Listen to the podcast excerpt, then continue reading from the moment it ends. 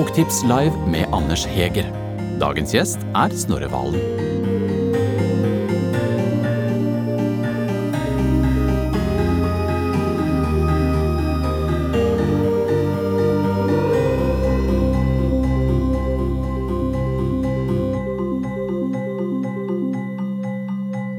Ta ham imot som en rockestjerne, og litt applaus til Anders Heger også. Snorre Valen og Anders Heger.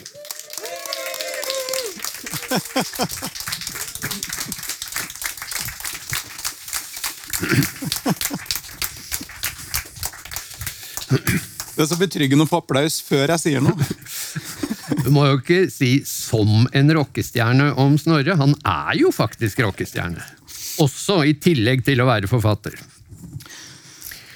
Ikke sant? Fersk. Han er litt hes i dag, for han var ute og sang rock i hele natt. Karaoke. På karaoke. Jeg beklager. Det er eh, Altså, nå er min oppgave litt vanskelig her, for vi skal gå fra noe eh, veldig morsomt og veldig løs snippstemning her oppe, til noe ekstremt alvorlig. Og alle skjønner jo hva det er, bare ut fra tittelen på boka. Eh, det, hvor la jeg nå den lappen jeg fikk skrevet ut her nede? Men det er altså en bok som handler om uh, etterspillet etter uh, 22. juli for ti år siden, kan vi vel si. Ja. Uh, og det, Utøya-kortet er jo uh, et ord som har vært brukt i den sammenhengen, men har du skrevet en hel bok om et enkelt ord? Eh, egentlig har jeg jo det. Ja. Det er derfor den er så kort. um, uh, Ja, hvorfor? Hva er det med dette ordet som gjør det um, verdt å skrive en bok om? um, fordi jeg tror det har vært i bruk veldig lenge før det dukka opp i offentligheten. Um, første gang ordet dukker opp i noen skriftlige kilder, da, det er i 2016. Eh, i et, um, det er vel et NKVTS-forskningsprosjekt. En av de mange forskningsprosjektene som driver følgeforskning på de overlevende etter eh, angrepet på Utøya. Eh, og Der oppgir mange av de overlevende at de møter mistenkeliggjøring av sine omgivelser. altså Gjerne familie, venner, naboer, folk i lokalsamfunnet. Eh, og, et ord som går igjen da, er Utøya-kortet. Eh, Hva ligger i det? det de her ungdommene oppga da, var jo at i det lå en antakelse om at de hadde noen spesielle privilegier fordi de hadde overlevd terroren på Utøya. Og at de slapp unna med ting og fikk spesialbehandling fordi de hadde overlevd terroren på Utøya. Og med tanke på at flere av ungdommene oppga det fem år etter terroren, så er det jo grunn til å tro at det ordet har vært i vårt felles ordforråd i ganske mange år. da. Sånn at da ordene plutselig begynte å dukke opp i offentligheten, ytra av noen av de liksom mest kjente og mektigste aktørene vi har i den offentlige samtalen, så tror jeg det hadde en um, Det traff veldig mye hardere og veldig mye breiere enn at det bare var et sånt uhell der og da. Uh, jeg tror det bekrefta for veldig mange at det er noe med de her Utøya-overlevende.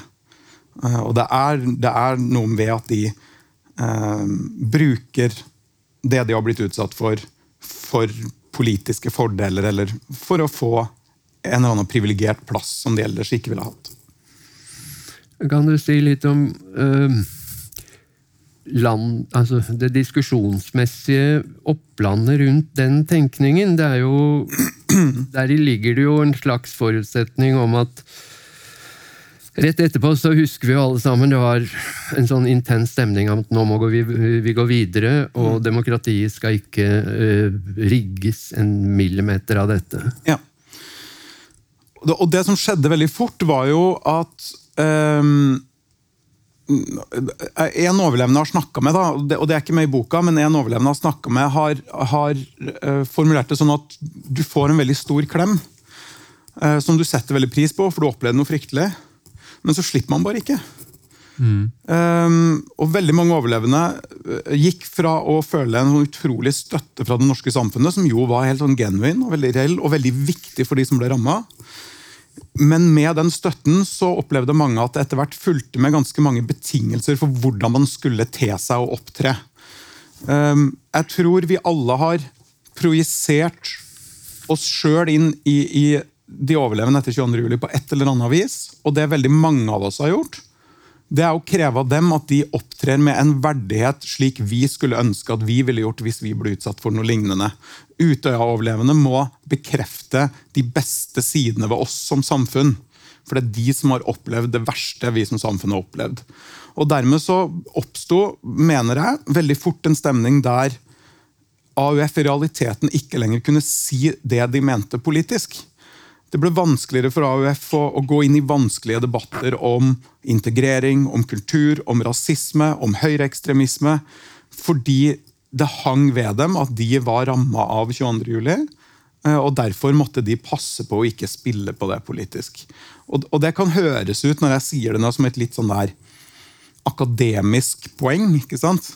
Eh, men for veldig mange AUF-ere som prøvde å fortsette å være politisk aktive etter terroren, så har det lagt enorme begrensninger på deres liv i mange år. Mange av de var jo på Utøya nettopp fordi de var dypt politiske mennesker. Eh, og eh, de opplevde fort å bli straffa i offentligheten hvis de mente for mye. Du, du, du, sier det jo enda skarpere både i boka og i avisdebattene mm. i kjølvannet av boka. Du sier at det er AUF-erne som ble kneblet ja. etter 22. juli. Det er ikke høyresiden. Ja. Uh, det mener jeg. Og det mener jeg det er gode holdepunkter for òg, fordi en skulle jo tro at eh, det var interesse for i den norske offentligheten etter jeg må si, nok et, en, en, alvorlig høyreekstrem voldshandling i Norge, da, som 22. juli var. Eh, men i tillegg var det jo det største terrorangrepet vi har opplevd. En stor interesse for å diskutere hvordan denne volden kan oppstå. Og jeg har jo vokst opp med en fortelling f.eks. For fra uh, holocaust-overlevende uh, i skolen, som, som, vi snakka med. ikke sant? Julius Paltiel var, uh, gjorde en fantastisk jobb i Trondheim. Snakka med tusenvis på tusenvis av skolebarn. Hovedbudskapet hans var jo alltid, og hovedbudskapet når vi lærte om krigens dager, var jo alltid at det starter med ordet. Det, det fins et sett med konspirasjonsteorier og vrangforestillinger og mistanker som hvis du følger dem naturlig helt ut, helt åpenbart kan ende i grusomheter og vold. Mens i etterspillet etter 22.07 så blei det helt umulig å si. Tvert imot så var store deler av den norske redaktørstanden og partiledere og eh, rikssynserne de var fryktelig opptatt av å til enhver tid si at nei, det er en forskjell på ord og handling. Eh, Bergens Tidende mente det var totalitært å mene at ord, hva man sier i offentligheten, kan ha fysiske konsekvenser. De mente til og med det hadde religiøse overtoner og ville ha et sånt oppgjør. Så ikke bare avviste man den debatten Eskil Pedersen og AUF prøvde å reise, men man gjorde det med en veldig aggresjon og hardhendthet. Og kanskje mest påfallende ti år etter, veldig sånn fravær av empati i måten man snakka om og med AUF-erne. Og her, det, det, her var noen uker etter terroren. Ikke noen år etterpå, men noen uker etterpå. Så var det Eskil Pedersen som fikk mest kjeft i den offentlige samtalen. Ja, altså det er veldig interessant, fordi du, du beskriver her altså det er tre elementer. Det er først det at de blir plassert i en offerposisjon. altså Det er så synd på deg, lille venn, at uh, her er liksom min empati viktigere. Så er det en umyndiggjøring uh, av, som ligger i det at uh, de Man kan liksom ikke ta dem helt alvorlig, for de er så emosjonelle. Mm. Men så skjer det jo et eller annet på et eller annet tidspunkt hvor det arter seg som aggresjon. Ja. Uh, og vi vet at det er få som får så mye uh, drit i innboksen sin hvis de ytrer seg offentlig, som uh, AUF, nettopp AUF-ere. Ja. Og det, det, er helt riktig, for det Eskil Pedersen gjorde eh, på dagen tre måneder etter terroren, det var å holde en, en tale på LOs kartellkonferanse i Gol. Der han sa, eh, han sa en del ting som, hvis man leser det nå i ettertid, framstår som helt selvfølgelig. Altså, helt ukontroversielt. Og det at Hvis du deltar i den offentlige samtalen om kontroversielle temaer, så har du et ansvar for hvordan du ordlegger deg. Ikke spille opp til hat og hets. Ikke bygge opp rundt fordommer. Og så gikk han til angrep på enkeltutspill fra Fremskrittspartiet. Det, det førte til voldsomme reaksjoner fra meningseliten i Norge. Men det utløste jo en storm av hat og hets og trusler rett inn til AUF. Så i, boka så intervjuer jeg jo to overlevende. Det er Eskil Pedersen, som da var AUF-leder, og så er det Helen Ingrid Andreassen, som en, var AUF-er. Uh, hun er nå psykolog. Hun overlevde Utøya. De begge setter jo veldig mye bedre ord på det her enn, jeg klarer å gjøre. Men, men, det er spesielt interessant når Eskil Pedersen beskriver hvordan samtidig som hele hans poeng bekreftes ved at han mottar trusler og hets, og AUF nedrennes av det, så blir han fortalt av noen av de mektigste stemmene i norsk offentlighet at denne debatten er ikke viktig å ha. Så, så AUF ble jo fratatt verktøyene for å gjøre noe med eh, ikke noen sånn her teoretisk problemstilling de var opptatt av, men en helt reell problemstilling som først hadde ramma dem i form av terror, og nå i form av hets og, og trusler. Så jeg spurte Eskil Pedersen om, om de brukte mye tid internt på å diskutere de her sakene. Diskutere høyreekstremisme, diskutere hvordan rasisme og konspirasjonsteorier har funnet en vei inn i den norske mainstreamen og offentligheten. Og svaret hans på det var nei. Han sa rett ut at vi satt der med ungdommer som hadde mista søstera si eller kjæresten sin, og vi var for å være helt ærlig mest opptatt av om politiet tok runden rundt kvartalet, sånn som de hadde lova at de gjorde. Og, og, og, Hvis ikke det er en de facto knebling av en ungdomsorganisasjon, så veit ikke jeg hva det er. AUF ble fratatt muligheten, først av terroren, men så av offentligheten rundt, til å ytre seg fritt politisk høsten 2011. Dette er vanvittig interessant, og vi kunne sikkert snakket i timevis om det, men vi har veldig begrenset tid. Og denne, jeg har lyst til å komme til mottakelsen, for denne boka kom altså til 22. juli i år. Ehm, tiårsjubileet. Uh, og det er som du sier, en liten bok, men den slo jo veldig kraftig ned i norsk offentlighet. Ikke alene, sammen Nei. med en, en god del andre utspill, ikke minst fra overlevende selv. Men øh, hva synes du om ettervirkningene av den?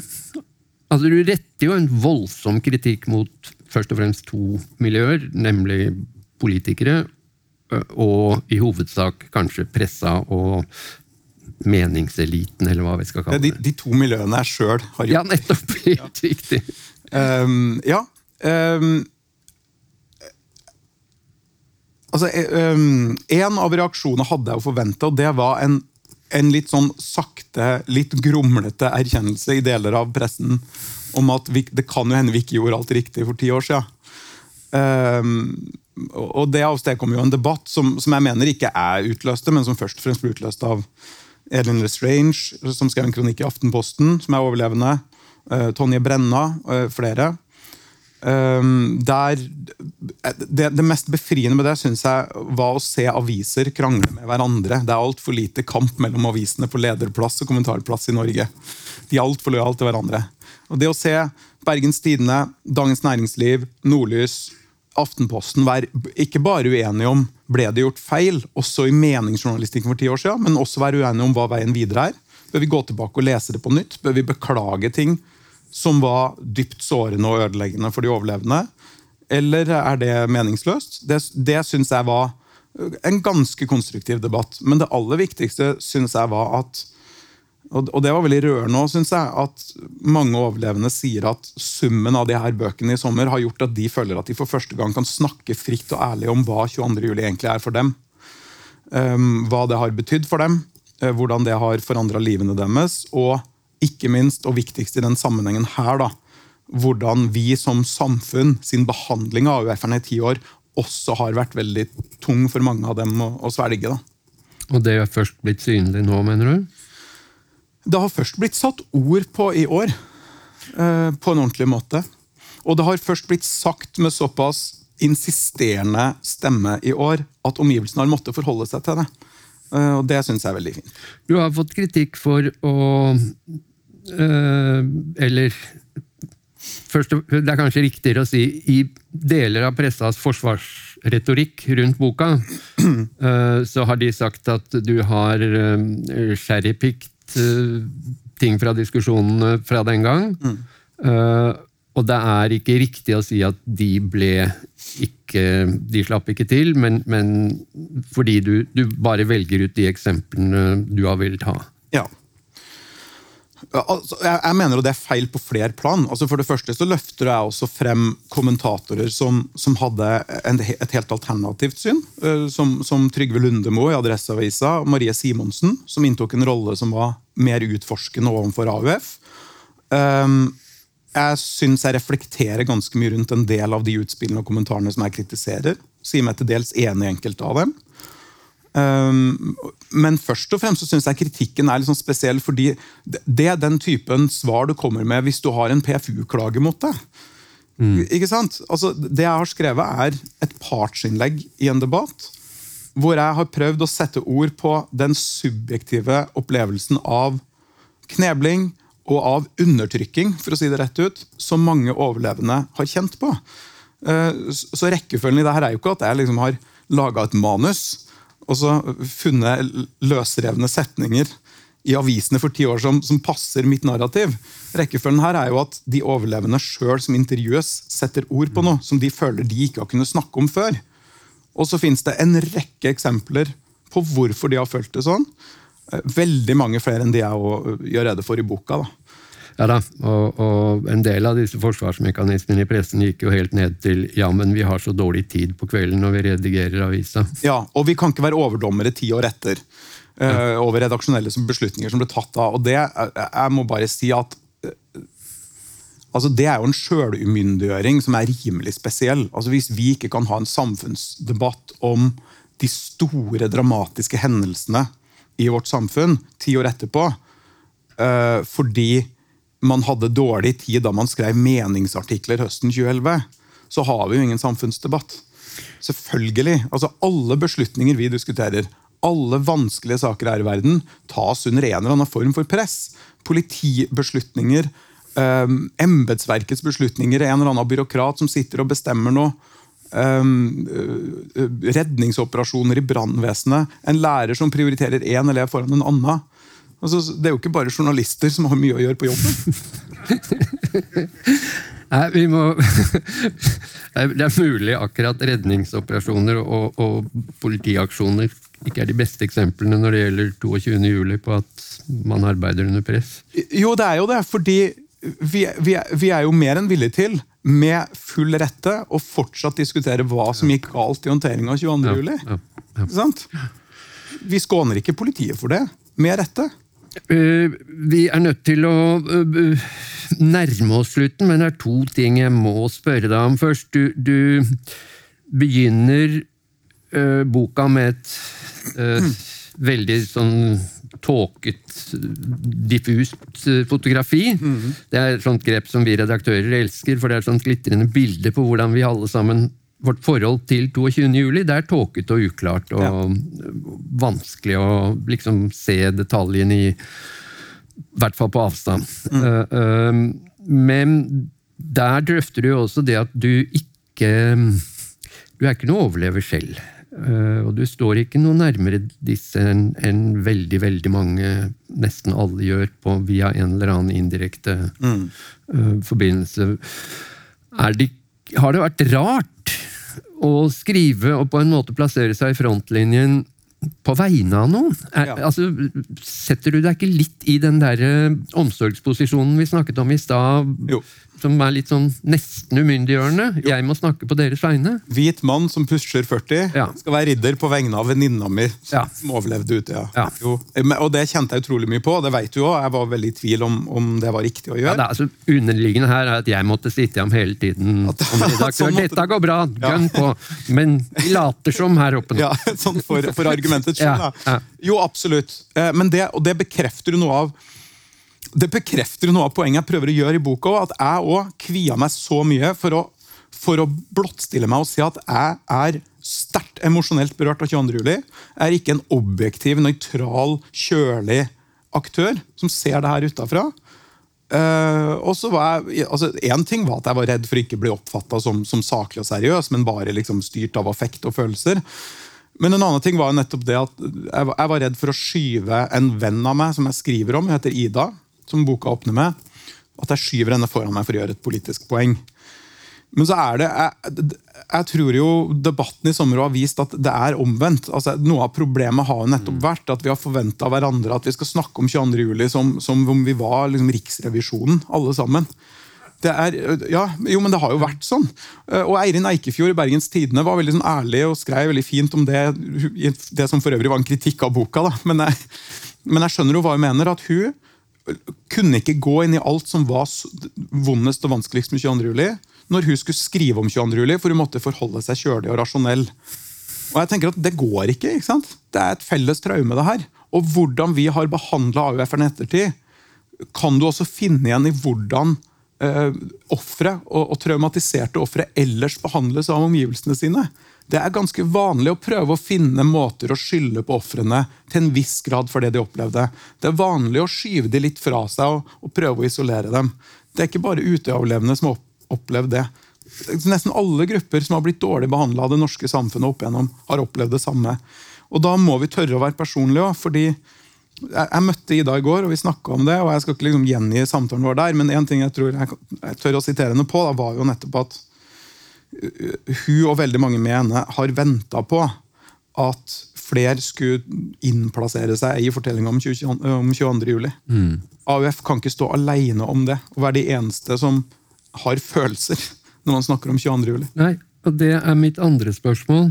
Eh, du nevnte Eikefjord, og du nevnte noe som i og for seg var, så vidt jeg husker, veldig eh, mye oppe i diskusjonen eh, etterpå at nå må vi holde hodet kaldt. Eh, nå må vi tenke rasjonelt. Må, fordi jo, Halvparten av dette var jo med rosetog, og, og, og vi gråt absolutt alle. Ja. Uh, og da var liksom det, det, Diskursen da, gikk på at men når vi diskuterer om det, må vi, må vi tenke rasjonelt og være saklig og, og ordentlig. Uh, Sett på avstand ser vi hvor feil det var, eh, men, men, du tar deg friheten til å være følelsesmessig skamløst engasjert. Ja. Uh, og, og, til og med moralistisk. Et annet, et annet Ja, som ja. diskuterer moralsk. Ja. Risikerer du ikke å tippe i den andre, den andre grøfta da? At du, blir, at du ikke ser de rasjonelle problemstillingene her? Uh, nei, jeg skriver om de rasjonelle problemstillingene i, i boka. Og, og, jeg, og jeg, jeg, bruker også ganske mye tid på, på, å forklare hvorfor jeg tror det blei som det blei. Og, og, det er jo ikke noe moralsk dom. Jeg, jeg, anklager ikke noen for å ha ønska å være slem med, AUF. Eh, men uh, det her blir et litt sånn lengre resonnement. Fine greier. Ja, ok. Og det her har vi jo diskutert liksom, på privaten før òg, men, men, min generasjon er jo født i 1984. da. Så Mitt første TV-minne er da mamma og pappa satte meg i sofaen. og så pekte de på TV-en og så sa de at se, det her må du få med deg, det her er kjempeviktig. Og det var murens fall. Og det har jo forma min generasjon veldig mye mer enn vi tenker over. For hele vår, vår, barndom og hele vårt skoleløp var en eneste sammenhengende fortelling som vi fikk poda inn om at nå blir verden finere, vakrere, åpnere. Den kalde krigen over, det er ingen trusler mer. Demokratiet vinner, frihetene vinner. Og så ble vi voksne, da. Og så kom eh, 11. september, og så kom finanskrisa, og så kom 22. juli. Eh, og det hele blei ganske dystert. Um, og, og, og, vår generasjon, og i, i, enda større grad de som er yngre enn oss, står overfor noen utrolig harde kamper. Mot klimaendringer, mot framveksten av fascismen i vår tid. Demokratienes fall flere steder i Europa. Og hvis man ikke tar med seg moralsk patos inn i kampen mot en høyreekstremisme som tok over 70 liv 22. juli 2011 så har du ikke med deg de våpnene du trenger. Altså, Vi sto jo sammen og sang til ungdommen. Mm. Og, og Versen er ikke at du må forholde deg kjølig og rasjonell og passe på at ikke AUF går for langt i det offentlige ordskiftet. Det er at du må kaste deg inn i den kampen med alt du har. Og jeg tenker at Ti år etter 22. juli så er det kanskje på tide da at vi henter fram det sverdet og våpenet. Og, og, tør å stole på vårt indre kompass, og tør også å rope det litt sånn høyt ut. da. Jeg tror ikke det er farlig. Nei.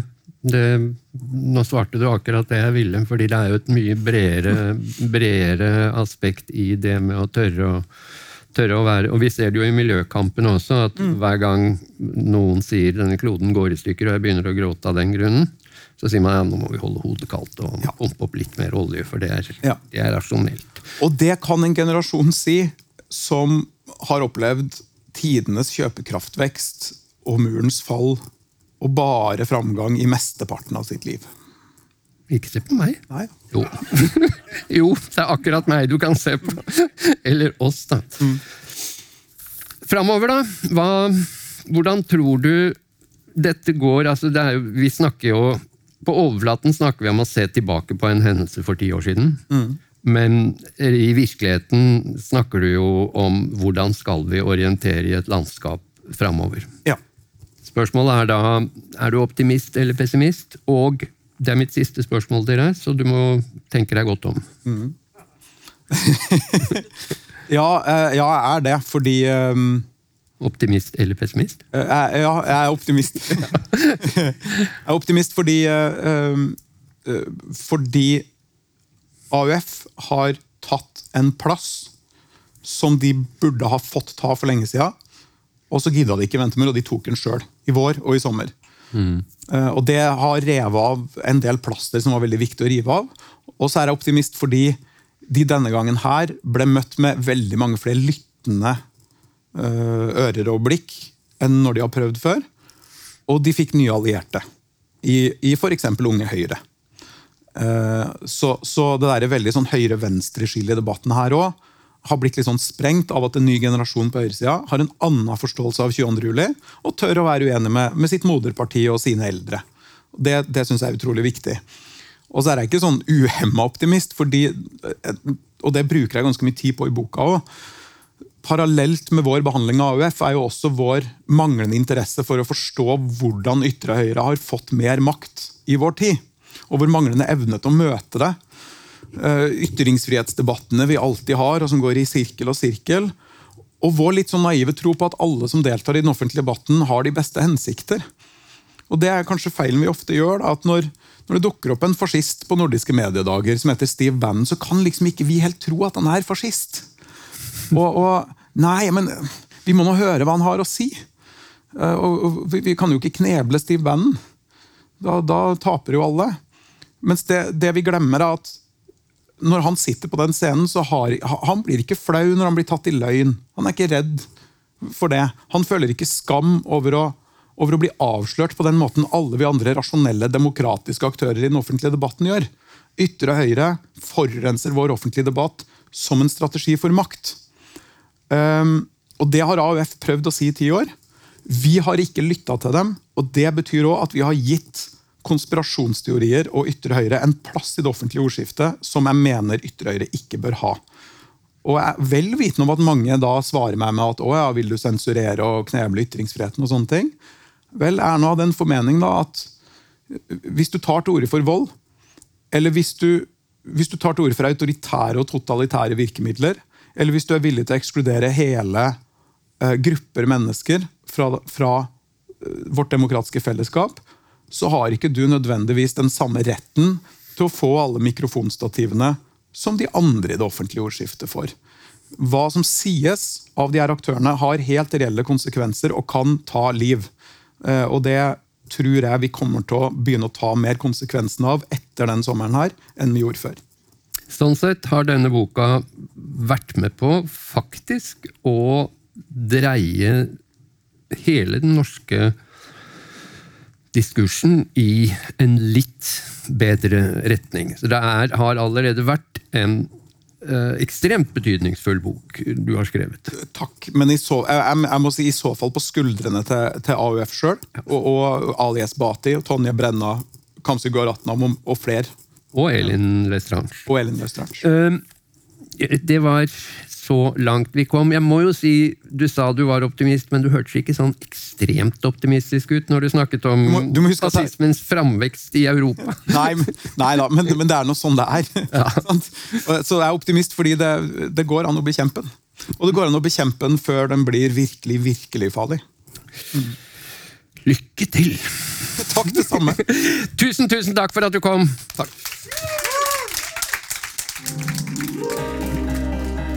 Boktips En podkast fra Cappelen Dam.